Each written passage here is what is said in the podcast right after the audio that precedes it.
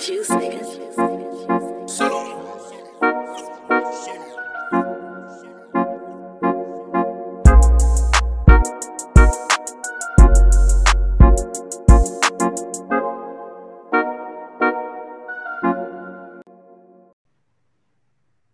guys, welcome back again to The Ring Podcast. Oke, hari ini kita bakalan balik lagi ke NBA Session episode ke tiga.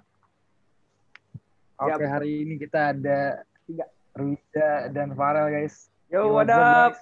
What What up? what up? Yo, what up? Oke, hari ini mungkin kita bakalan ngebahas nggak gamenya doang. Kita bakalan ngebahas tentang beberapa yang lagi nggak bukan viral sih, apa ya? Yang mungkin bakalan enak Naik-naiknya dibahas. performance-nya. Oke, kita mulai dulu dari emasnya Kuwai nih. Eh, apa sih? Iya, Gua. bener. Mas Ya kan Mas Kuwai. Yoi. Mas Kuwai. Oke, mungkin dari lu dulu nih Rel. Gimana nih Rel? Eh, semenjak dia eh maksudnya perubahan dari Clippers gini pas ada Kuwai. Ya, ya, i- waktu itu kan kita sempat ngomong ya, kalau seandainya Ya. Paul George itu belum bisa ngebawa tim jauh dan emang kebukti dia ke blowout lawan Dallas sampai 51 poin kalau nggak salah bedanya. Jadi dari situ eh dan kedatangan Kawhi juga tadi pagi ya mungkin emang dia baru datang juga jadi eh, masih nyari-nyari performance lagi dan emang tadi pagi kalah sih 100 eh, lawan Utah Jazz juga dia kalah 100 la- 100 106. Cuman dari beberapa pengalaman pemain kayak misalnya LeBron pas dulu sempat make Mas juga yang pertama pasti performance-nya nggak bakal sestabil pas dia lagi eh, 100% fit gak ada cedera sama sekali ya. Cuman mungkin dia bakal bisa bantu eh, struggle-nya Paul George sih. Jadi setidaknya dengan adanya Kawhi Paul George gak bau-bau amat lah nggak bapuk-bapuk banget lah. Plus juga eh mentalnya bakal keangkat lagi sih. Karena kan sempat ngedrop tuh kemarin kalah 52 poin. Bedanya yang Ya. kita juga kaget tuh dua quarter pertama kayak NBA 2K kan ya jaraknya jauh bro Play play rookie, yo jaraknya jauh mode rookie, rookie mood.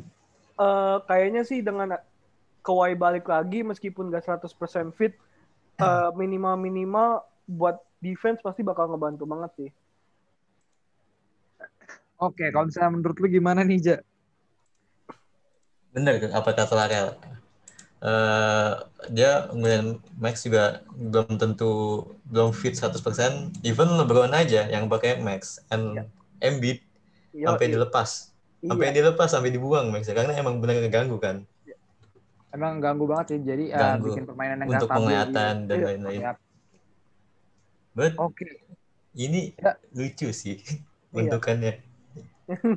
misalkan dia buat ngelindungin rahang, cuy. Iya, soalnya mungkin ya satu, eh, satu karena bagian yang eh, cedera itu agak beda dari pemain lain. Biasanya kan kalau orang yang pakai mask kan hidung ya yang ditutupin ya. Kali ini Iya. rahangnya yang benar-benar difokusin dan gue yakin pasti bakal ngeganggu permainan dia banget karena balik lagi kan NBA fisiknya bener-bener eh, gila banget kan ya sikut-sikutan kayak pas misalnya lu hands up aja sentuh-sentuhan match lu udah goyang jadi eh, pasti bakal bikin Kawhi struggle banget di game cuman ya yang tadi gue bilang sih bakal setidaknya ngebantu Paul George buat step up lah Emang eh, permainannya sebenarnya nggak terlalu seimbang juga sama permainan, eh, permainan dia sebelumnya, tapi eh, pengaruhnya juga cukup besar banget sih di Clippers walaupun dia pakai mask gitu. Oke, lanjut. Sekarang ke Edge Town. Nih, gimana nih? Ternyata James Harden bisa main nih bareng sama DeMarcus Cousins and John Wall. Man. Gimana nih? Tuja dulu deh. Yo, Man, James Harden, man. Sebandel apa pun, man. Ketika dia balik ke lapangan, Iya. iyo. he 30 get poin apa 40 poin tuh? 33 Tuh, Tuh, damn, bro. He bring back Easy, his man. game lah kalau seandainya dia di luar bengal tapi giliran di lapangan langsung Iya. ngebutin. Ini ibarat kata sih, ini nggak omong kosong doang. Ini emang ada, dia bener bisa gitu. Walaupun sampai istilahnya beban roket ya, Iya bikin banget. beban Rockets tuh.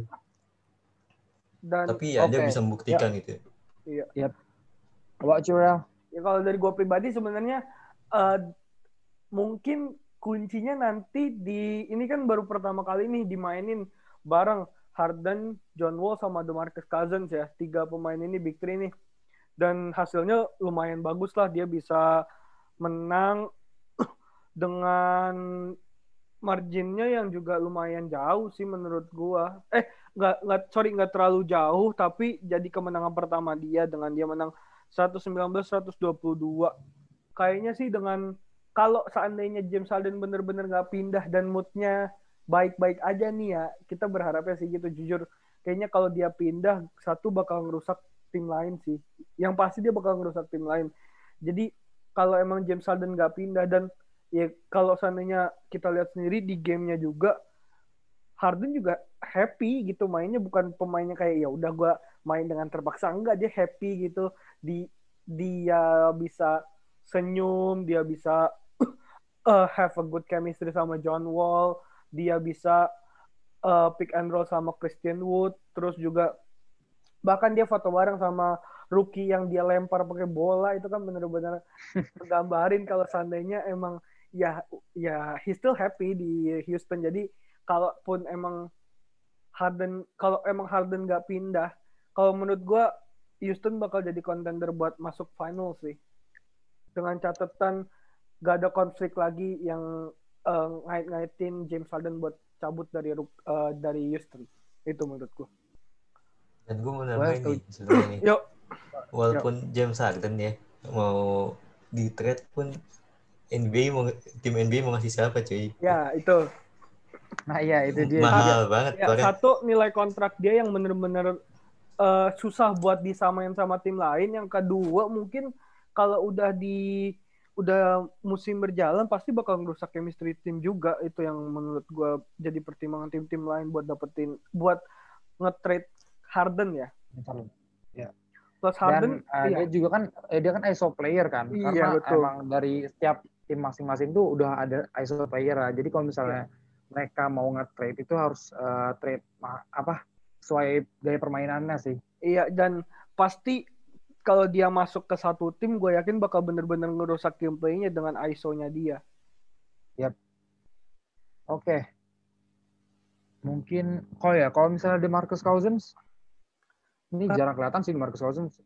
Iya se- sejak sejak dia cedera di Warriors itu Ya. emang jarang, jarang kelihatan. Cuman mungkin eh, kalau kata gue dengan dia pindah ke Rockets, gue yakin bakal jadi eh, bon, eh, apa turning point-nya dia sih dengan eh, gak spotlight gak terlalu ke dia lah bisa dibilang meskipun emang dia datang eh, langsung diplot jadi apa starter centernya cuman gak bukan jadi spot eh, spotlight gak ke dia lah tetap ke Harden jadi kayaknya bebannya dia bener-bener berkurang sih Oke, oke. Oke, kita lanjut nih ke mungkin ke siapa ya? Simmons, Yo, Philadelphia 76ers bro yo gimana nih? Sebagai fans Sixers Rui dulu ya, Simmons Jangan sekarang udah bisa nge-three. Rui dulu Bruyne again, man. Tapi gue percaya sih, kalau Ben Simmons bisa nge-three, be- saya bisa kayak LeBron. Gue percaya kayak gitu. Ya gue juga percaya sih biar dari gameplay terus uh, visionnya juga bagus sama. Iya, court vision-nya udah bagus. uh, atlet apa sih namanya atletikismnya juga sama. Jadi menurut gue dia tinggal memperbaiki shootnya aja sih. ya kalau dari gua ya sebagai fans Sixers yang akhirnya seneng lah dengan 4-1 meskipun baru awal-awal cuman yang gua bisa highlight dari sini adalah Doc Rivers itu jeli buat ngasih gameplay yang bagus ke Seth Curry sih itu yang uh, Ya. jadi bisa dibilang uh, keuntungannya uh, Philadelphia 76ers sih. Dan dia bisa ngebangkitin kepedean Ben Simmons buat take uh, three shot. Karena ya tahun lalu emang dia cuma take kalau nggak salah dua apa tiga. Tahun ini eh ini udah nih dia udah dapat satu trinya dia. Mungkin ya yang bener tadi yang Rui bilang kalau dia lebih pede aja eh, nembak trinya nggak ter- nggak ya kayak ya udah gitu kayak bodo amat dengan yang penting gue udah eh, take three either gue masuk dan nggak masuk itu udah jadi eh, field goal buat gue jadi satu bisa nambahin peluang poin tambahan poin buat Sixers sendiri yang kedua ningkatin PD-nya dia juga dan emang shooting formnya juga emang nggak terlalu jelek kan emang sebenarnya kayak pemain pada umumnya aja jadi Oke. menurut Ya. gua ini tim ya balik lagi sih emang eh Ben Simmons eh ya bener yang lu bilang pasti lama kelamaan dia bakal take three kayak LeBron juga. Cuman yang gua highlight di sini eh Seth Curry kalau kata gua eh bakal jadi penyumbang poin yang bisa dibilang paling banyak di tahun ini. Kalau kata gua bakal dari dia sih. Dengan eh, set play yang dikasih sama Doc Rivers yang nguntungin banget buat Seth Curry sama Danny Green. Cuman kayaknya Seth Curry bakal eh, ngambil peran lebih di sini. Akhirnya Kiri bakalan dipercaya sama su- suatu tim di bakalan kayaknya dia bakal jadi starter apa udah starter ya? Starter deh, starter terus bro. Starter. Wah. Jadi. Kalau starternya Villa itu sekarang Ben Simmons, Seth Curry, Danny Green, Tobias Harris sama Joel Embiid. ya tinggal sebenarnya tinggal ganti Tobias Harris doang. Jujur ya, kalau ya gue emang sempat awal ngekritik Tobias Harris lah dengan kon- nilai kontrak yang gak sebanding sama kualitas dia. Cuman setelah, Overpriced. cuman setelah musim berjalan kayaknya eh, Doc Rivers bisa ngebuat dia jadi pemain yang bisa dibilang lumayan berguna banget lah di tim dengan defense dia yang benar-benar bagus plus emang dia punya kekuatan di three point-nya dia juga jadi ya meskipun emang little bit overpriced tapi eh, ada timbal balik yang dikasih sama dia meskipun emang nggak se nggak seimbang sama harganya cuman setidaknya penampilan dia nggak jelek banget lah Oke, prediksi lu nih. Yuk. Berdua. eh buat Philadelphia Sixers. Ya. Bakalan ada di urutan keberapa nih? Ini kan udah game keberapa sih buat dia? lima Lima ya? Ya. Yuk. Ini nggak apa-apa lah. Ini masih tebak-tebakan aja. mungkin kalau menurut gue Rui dulu deh abis itu gue Ini Untuk kalau Sixers kayaknya gue kalau dilihat dari dari rosternya ya. Soalnya Yap. kalau tahun kemarin kan dia emang kurang shooter juga tuh bisa dibilang tuh karena dia ngelepas JJ Redick sampai JJ Redick nge-tweet nih Sixers butuh gua gitu. ya. Sampai sampai gitu loh sampai gitu si JJ Redick pun nge-tweet. Mungkin kalau misalnya untuk tahun sekarang season sekarang sih eh, udah lumayan upgrade dari sebelumnya di fourth or three three sheet gitu deh menurut gue ya di tiga atau empat lah paling Oke. How about you, Rel? rendah banget bro tiga atau empat Gak Sama nih jadinya. Gak apa, gak apa, gak apa. Eh, emang sebenarnya ya Sixers emang ma- bisa dibilang kelemahan dia nanti biasanya di abis All Star break, eh, abis All Star break dia bakal bisa nurun banget atau misalnya dia dari bulan eh All Star berarti Maret ya kalau nggak salah ya. All Star bukan udah nggak ada ya? Ada tetap kalau nggak salah Maret kalau nggak kalau nggak salah ya setahu gue Maret deh. Tapi setahu gue di, diubah eh di langsung dijadiin 2023 loh. Oke, gue lupa. Na- ya nanti eh, nanti gue ini lagi. Cuman biasanya kalau Sixers itu dia either nanti abis All Star agak nurun atau enggak biasanya abis eh, Christmas sampai mau All Star. Jadi kalau gue sih dengan roster yang sekarang mungkin gue lebih pede dia di posisi dua sih. Karena balik lagi emang gue ngejagoin dia sampai finals pun gue ngejagoin dia. Karena balik lagi roster yang dia punya ya mungkin Doc Rivers emang eh, pelatih yang bisa jadi pisau mata dua, cuman kayaknya gue nggak tahu sih apakah itu deja vu itu bakal berlanjut di Sixers atau enggak. Cuman dengan roster yang dia punya dan gameplay yang dia mainin sekarang, gue cukup yakin ini tim bakal maju ke final sih. Oke. Dan Iya, Kal- eh, kalau emang nggak mau terlalu jauh, setidaknya dia nanti kalau kata gue end up di conference final. eh end up di regular season nanti bakal posisi dua sih kalau kata gua di bawahnya aduh gue lupa gue juga bingung tuh firstnya siapa nanti ya satu atau dua lah menurut gue sih itu first box Uh, Oke, kalau misalnya gue sih, gue sendiri, gue malah naruhnya di bednya di satu dua sih. Kalau ngeliat dari ini ya, dari tipis, ya walaupun kita tahu juga Milwaukee sebagus itu, Tapi Sekarang, sorry nih, ya. eh, gua agak ngambil dikit dari Milwaukee-nya ya.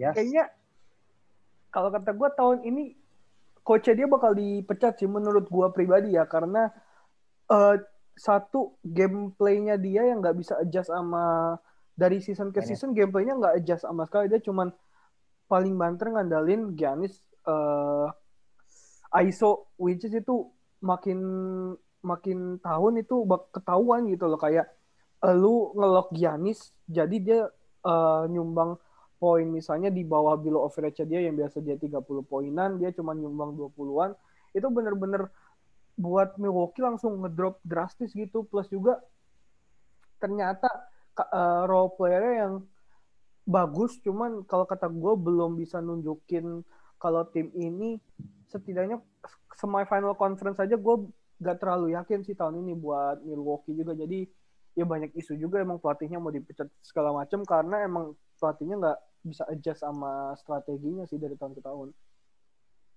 Yap, mungkin kalau oh ini ini ini ini ini mungkin di Eastern tuh posisi 1 sampai 5 bakalan diisi sama ini sih. Kalau ini prediksi gue ya. Kalau misalnya lu beda sama gue eh, bilang aja. Ini masih kacak jadi ya udah. Eh, paling ada Brooklyn, terus ada Celtics, ada Sixers, Orlando, and Atlanta Hawks. Menurut gue di bakalan di 5 ini sih. Jujur, Gimana kalau lu nih? Apakah ada yang diubah?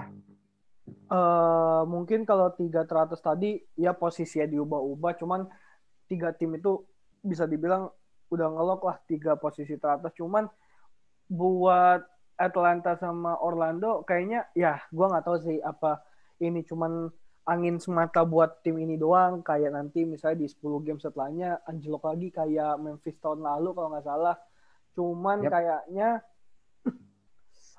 eh, buat dua tim eh, kalau kata gue Orlando sama Hawks itu kayaknya sih bakal ngisi posisi 6 sampai 8-nya sih setidaknya nanti lima besar gue masih yakin Miami Heat bakal masuk dan kayaknya satu lagi Pacers sih dengan Domantas Sabonis yang bener-bener step up banget tahun ini ya.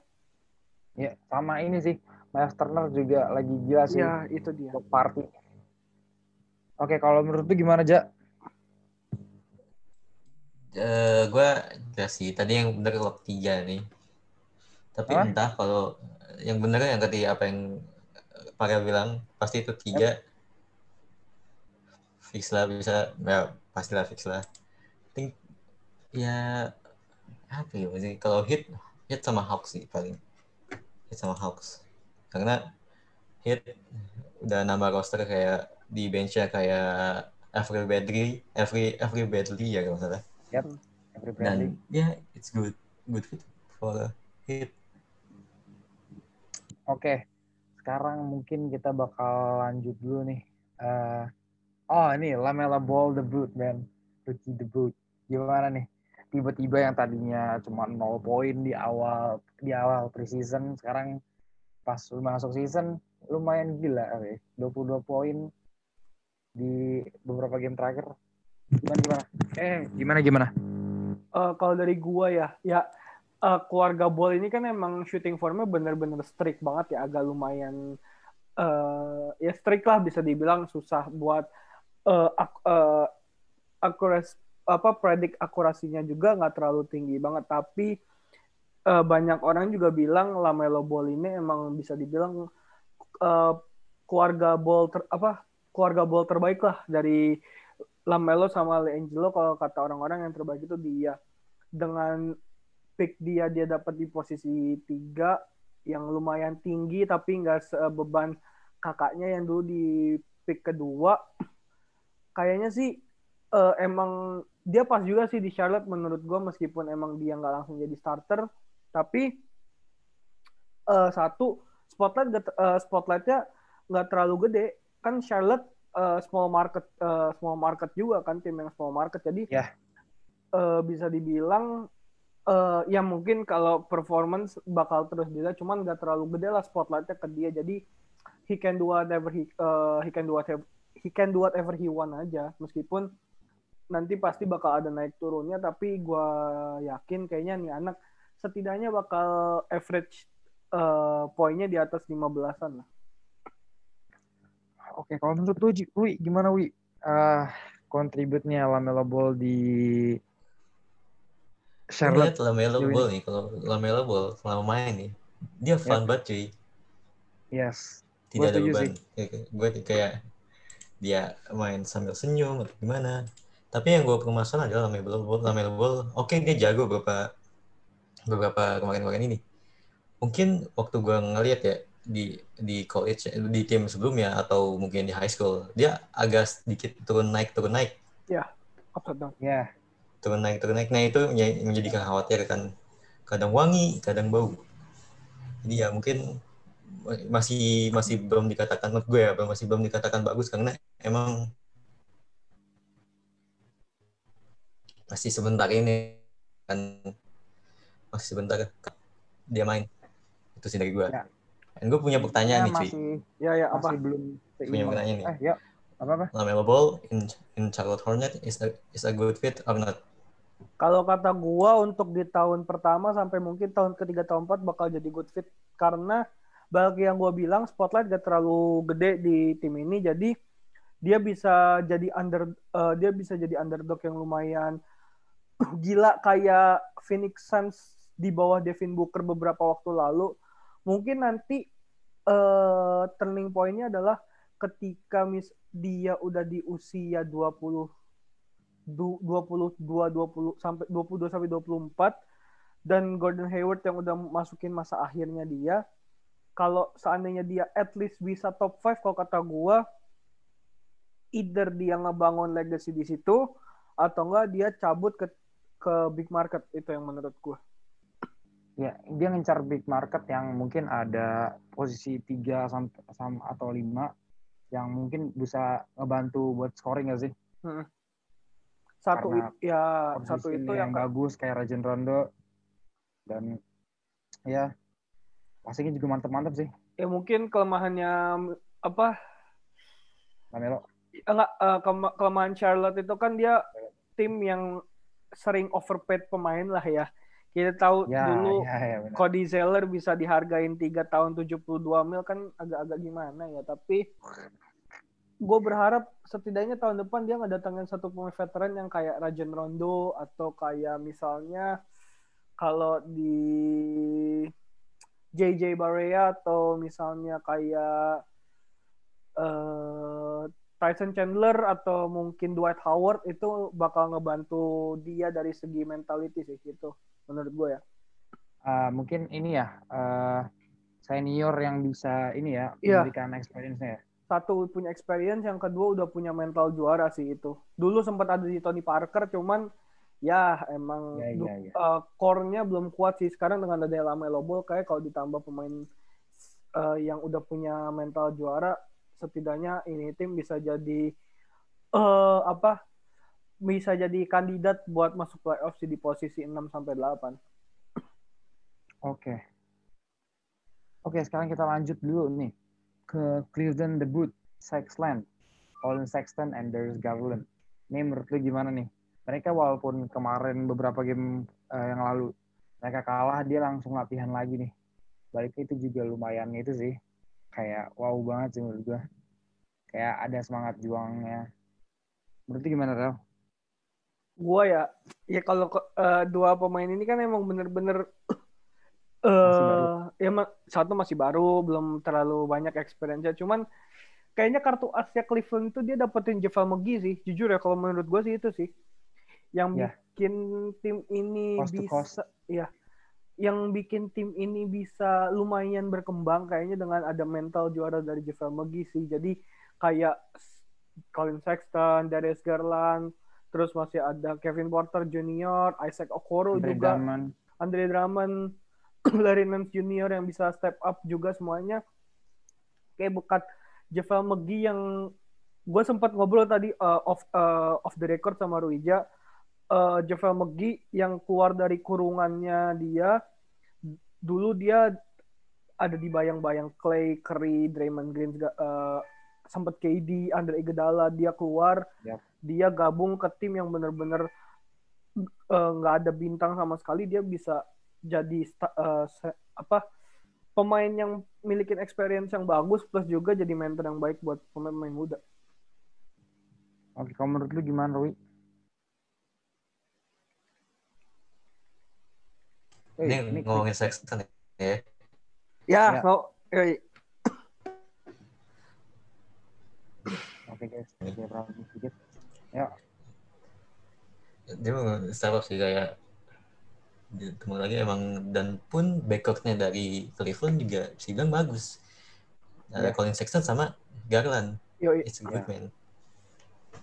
So, ya De Jong lah dia dari emang semangat juga tuh yang gue lihat dari dari college-nya juga dan defense-nya yang mukanya sampai kocak tuh tapi it's a best player man future future kalau menurut NBA nih, wih, Yup. eh, Cleveland bakal masuk playoff gak? Cleveland Dengan- untuk tahun ini gue mungkin ya paling paling maksimal di seat 8 lah. Seat 8 Ya. atau masih 7 kalau untuk Cleveland ya. Soalnya Kalau ditambah lagi di East udah tim-timnya udah jago-jago semua dilihat. Udah lumayan step up Udah- lah ya, lalu. Udah iya. Udah udah mulai isi udah nggak kosong-kosong lagi.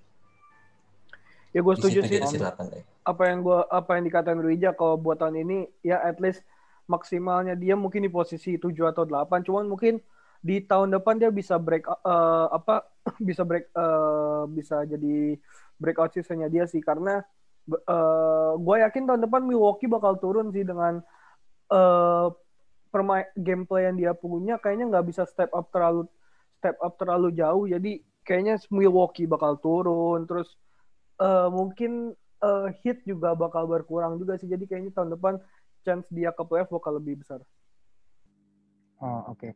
Buat minggu eh kan lu tadi nyinggung Milwaukee nih.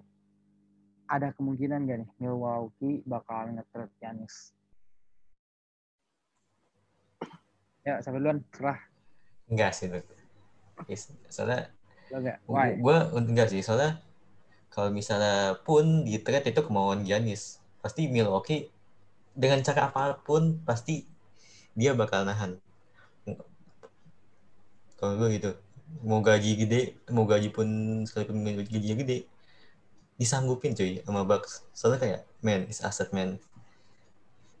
Kayak. Mungkin Milwaukee menurut lu ini ya bakalan bikin eh, legacy baru ya. Jay?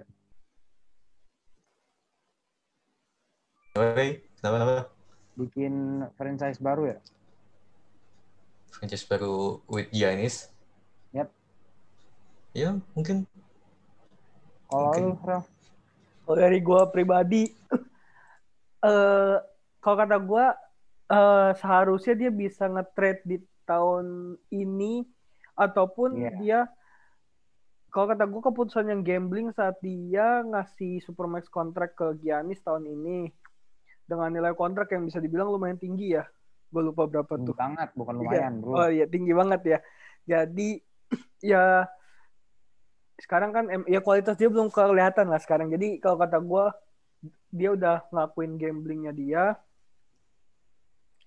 dengan ngasih max eh, super max kontrak ke Giannis otomatis kemungkinan besar ya dia harus inilah dia harus nge- jadiin Giannis sebagai icon icon baru di Milwaukee meskipun sampai saat ini menurut gue kualitasnya belum terlalu terbukti sih. Karena mentoknya dia itu pasti nanti di sema, eh, apa struggle-nya dia pasti nanti di eh, di playoff. Either dia kalau dia bisa sampai finals conference finals saja tahun ini kalau menurut gue itu udah cukup ngebuktiin bahwa Giannis bisa jadi icon icon baru di Milwaukee itu menurut gue Oke, kalau menurut gue sendiri nih ya, kalau menurut gue sendiri bakalan di trade sih. Atau ada kedua kemungkinan, dia di trade atau dia minta buat ada yang masuk superstar yang masuk ke Iya. dia. Eh, tapi kemungkinan besarnya sih 75-25 sih. 25 persen trade, 75-nya lagi dia masukin superstar lain. Eh, karena jujur ya, ya gue setuju sih apa yang lu bilang eh, tadi. Karena kalaupun emang dia di trade, eh, Milwaukee emang udah ngelakuin gambling di awal dengan dia ngasih supermax otomatis kalau dia mau nge-trade Giannis harus eh, tim harus eh, ada cap eh, ada salary cap setidaknya kalau seandainya sama pemain segala macam itu 20 sampai 30 mil itu eh, which is cap yang lumayan gede banget. Dan kalau lu mau eh, apa istilahnya tes di free agent lu bisa dapat pemain yang mungkin kualitasnya di bawah dia tapi lu bisa dapat kualitas. Kalau misalnya Yanis di grade A lu bisa dapetin kualitas grade B dengan eh, dengan jumlah yang lebih eh, harganya nggak terlalu tinggi dan bisa eh, nge apa nge mencukupi eh, inilah roster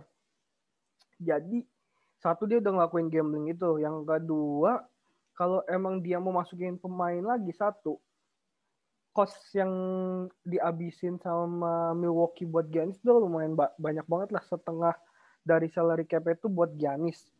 Ya. Jarak seka- ya zaman sekarang sih jujur ya menurut gua eh, second optionnya lumayan bagus setidaknya harus ngerogoh kocek sekitar 20 sampai 30 mil per year. Jadi kayaknya buat dua pemain itu aja lumayan gede. eh, nanti pasti squadnya Milwaukee bakal nggak seimbang sih. Bakalan hancur lah ya. Iya karena eh Giannis sudah segini nih. Chris Middleton pasti eh, beberapa tahun la- lagi kontraknya bakal naik lah, yakin gua. Belum dia masih punya Jrue Holiday, Ya, dia masih Nah, punya ya. Brook Lopez, Dante DiVincenzo yang gue yakin tahun gue lupa kontraknya sisa berapa lama, tapi nanti setahun dua tahun lagi dia minta extension kontrak. Jadi kayaknya eh sk- ada masa nanti Milwaukee bakal squadnya bener-bener eh Bro. dari starternya yang level segini, benchnya bener-bener jauh di bawahnya sih. Like uh, Golden State. Ya kayak Golden State di 2018-19 sama kayak ya sih kayak itu sih yang paling contoh paling kelihatan di Golden State itu sih bener-bener bench sama start starternya jauh. Giliran nanti starternya cedera benchnya nggak bisa eh, nggak bisa ngisi kekosongan itu. Oke. Oke nih Ral, gue bakal ngebahas satu lagi aja nih tambahan aja. yuk Mungkin kita ngelihat dari Eastern Conference sama Western Conference ini tidak dipungkiri sama sekali. Ternyata di nomor teratas ada Philadelphia Sixers dan Phoenix Suns nih. Wah gila sih ini. Apakah ini bakalan bertahan apa tidak nih Ral? Eh Kak, gua ngambil dari Suns dulu deh ya. Phoenix Suns dulu Oh, ya. Phoenix Suns. Oke. Dari Phoenix Suns dulu.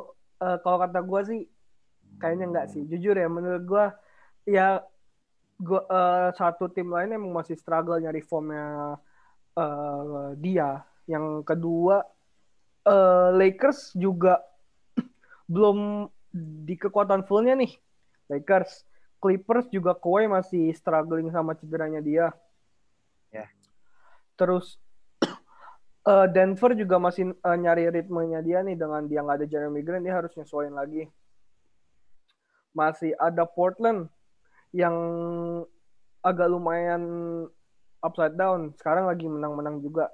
Utah yang Ya. masih lumayan nyari formnya. Jadi menurut gua Suns setidaknya kalau seandainya emang dia bisa bertahan kita lihat di sekarang kan udah game kelima ya Eh, enggak, udah dia udah 6 game sih. udah 6 game ya Rata-rata West tuh udah 6 game. 6 game ya Kal Ya. total sekarang kan dipersingkat jadi 72 ya matchnya ya Yap. jadi menurut gua kalau seandainya nanti di game ke 30 sampai 35 dia masih bisa stay di peringkat satu atau ya peringkat satu peringkat dua lah kalau kata gua dia bisa bertahan. Tapi kalau seandainya nanti eh, di kan kita kalau sekarang masih bicara short term eh, short term ya. Kalau ntar long termnya nih eh pasti nanti diukurnya bakal di long termnya dia bagaimana konsistennya dia apakah nanti ada pemain yang cedera atau enggak gimana startnya dia nanti di trade apakah akan di load management atau tetap bakal main misalnya sampai 36 menit per game terus apakah eh gameplaynya akan bisa di-adjust kalau seandainya udah mulai mentok itu sih pertimbangan-pertimbangan yang bikin kayaknya Suns bakal turun. Tapi kalau lihat dari musim ini kalau kata gua nanti seandainya Suns turun kalau kata gua dia masih bisa setidaknya maksimalnya di top 5 atau top 4 sih kalau menurut gue ya. Mungkin emang ketinggian cuman balik lagi sih squad yang dia punya bener bisa eh, udah bisa nge afford seorang Devin Booker dengan dia datengin CP itu bener-bener jadi kartu as tersendiri buat dia. Oke, itu mungkin max buat urutan dia ya. Iya. Yang kedua dari Sixers ya tadi lu tanya ya. Ya. Kalau Oke, dari Sixers, Sven Sixers. kalau dari Sixers kalau kata gue sih ya balik lagi sih gimana long termnya nanti karena kan kalau 5 match emang masih short, short run short run lah istilahnya. Cuman 5 match Hmm. Kita bakal bisa ukur nanti gimana dia di dia sekarang eh, rekornya udah 4-1 ya. Ya. kalau seandainya nanti di 25 sampai 30 game ke depan dia bisa at least kalahnya di bawah 10 kali, dia bakal bisa bertahan. Cuman kalau dia misalnya udah mulai kayak eh, nge- mulai Kita Embiid. ya Embiid sakit-sakitan, ngurangin minute play-nya Ben Simmons dan segala macamnya load management sih yang paling bakal berpengaruh nanti. Eh, plus gimana Doc Rivers nge-adjust gameplaynya dia saat sudah mentok yang tadi gue bilang ke saat nge-review eh, nge-review Suns juga. Gimana nanti set Curry apakah dia bisa berkembang terus dengan gameplay variasi yang Doc Rivers kasih, defense-nya juga plus mungkin nanti apakah Dwight Howard bisa nge-replace Joel Embiid saat eh, Joel Embiid eh, lagi cedera atau di load management sih itu yang bakal jadi pertimbangannya. Cuman kalau menurut gue pribadi ini tim yang tadi gue bilang gue eh, prediksi tim ini juga kalau kata gue bisa masuk final jadi buat ada di peringkat satu bukan sesuatu yang mustahil. Oke.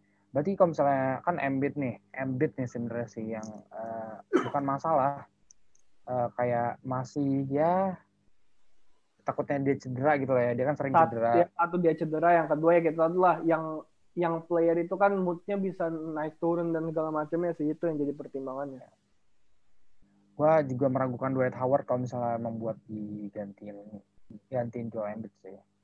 Ya karena balik lagi umurnya dia nggak bisa ngebohongin kan dia sekarang udah 35 eh fisiknya juga eh stamina-nya nggak se nggak se-fit dulu lah nggak se eh, nggak sekuat dulu lah. Dulu dia mungkin bisa main 20 sampai 30 menit per game. Sekarang mungkin dia dikasih menit 10 sampai 18 menit per game udah eh, mulai gampang capek dan segala macam atletisismenya juga nggak se bagus dulu. Ya baik lagi eh, faktor umur yang terus bertambah yang ngebuat dia performanya menurun. Jadi itu sih nanti yang bakal kelihatan dari Sixers karena kemarin kan sempat diganti itu Joel Embiid dan akhirnya kita lihat sendiri kalah gimana nanti Doc Rivers nge ini sih ngebim, ngebimbing timnya buat apakah dia ma- punya tekad buat seti- eh, stay di first place-nya itu sih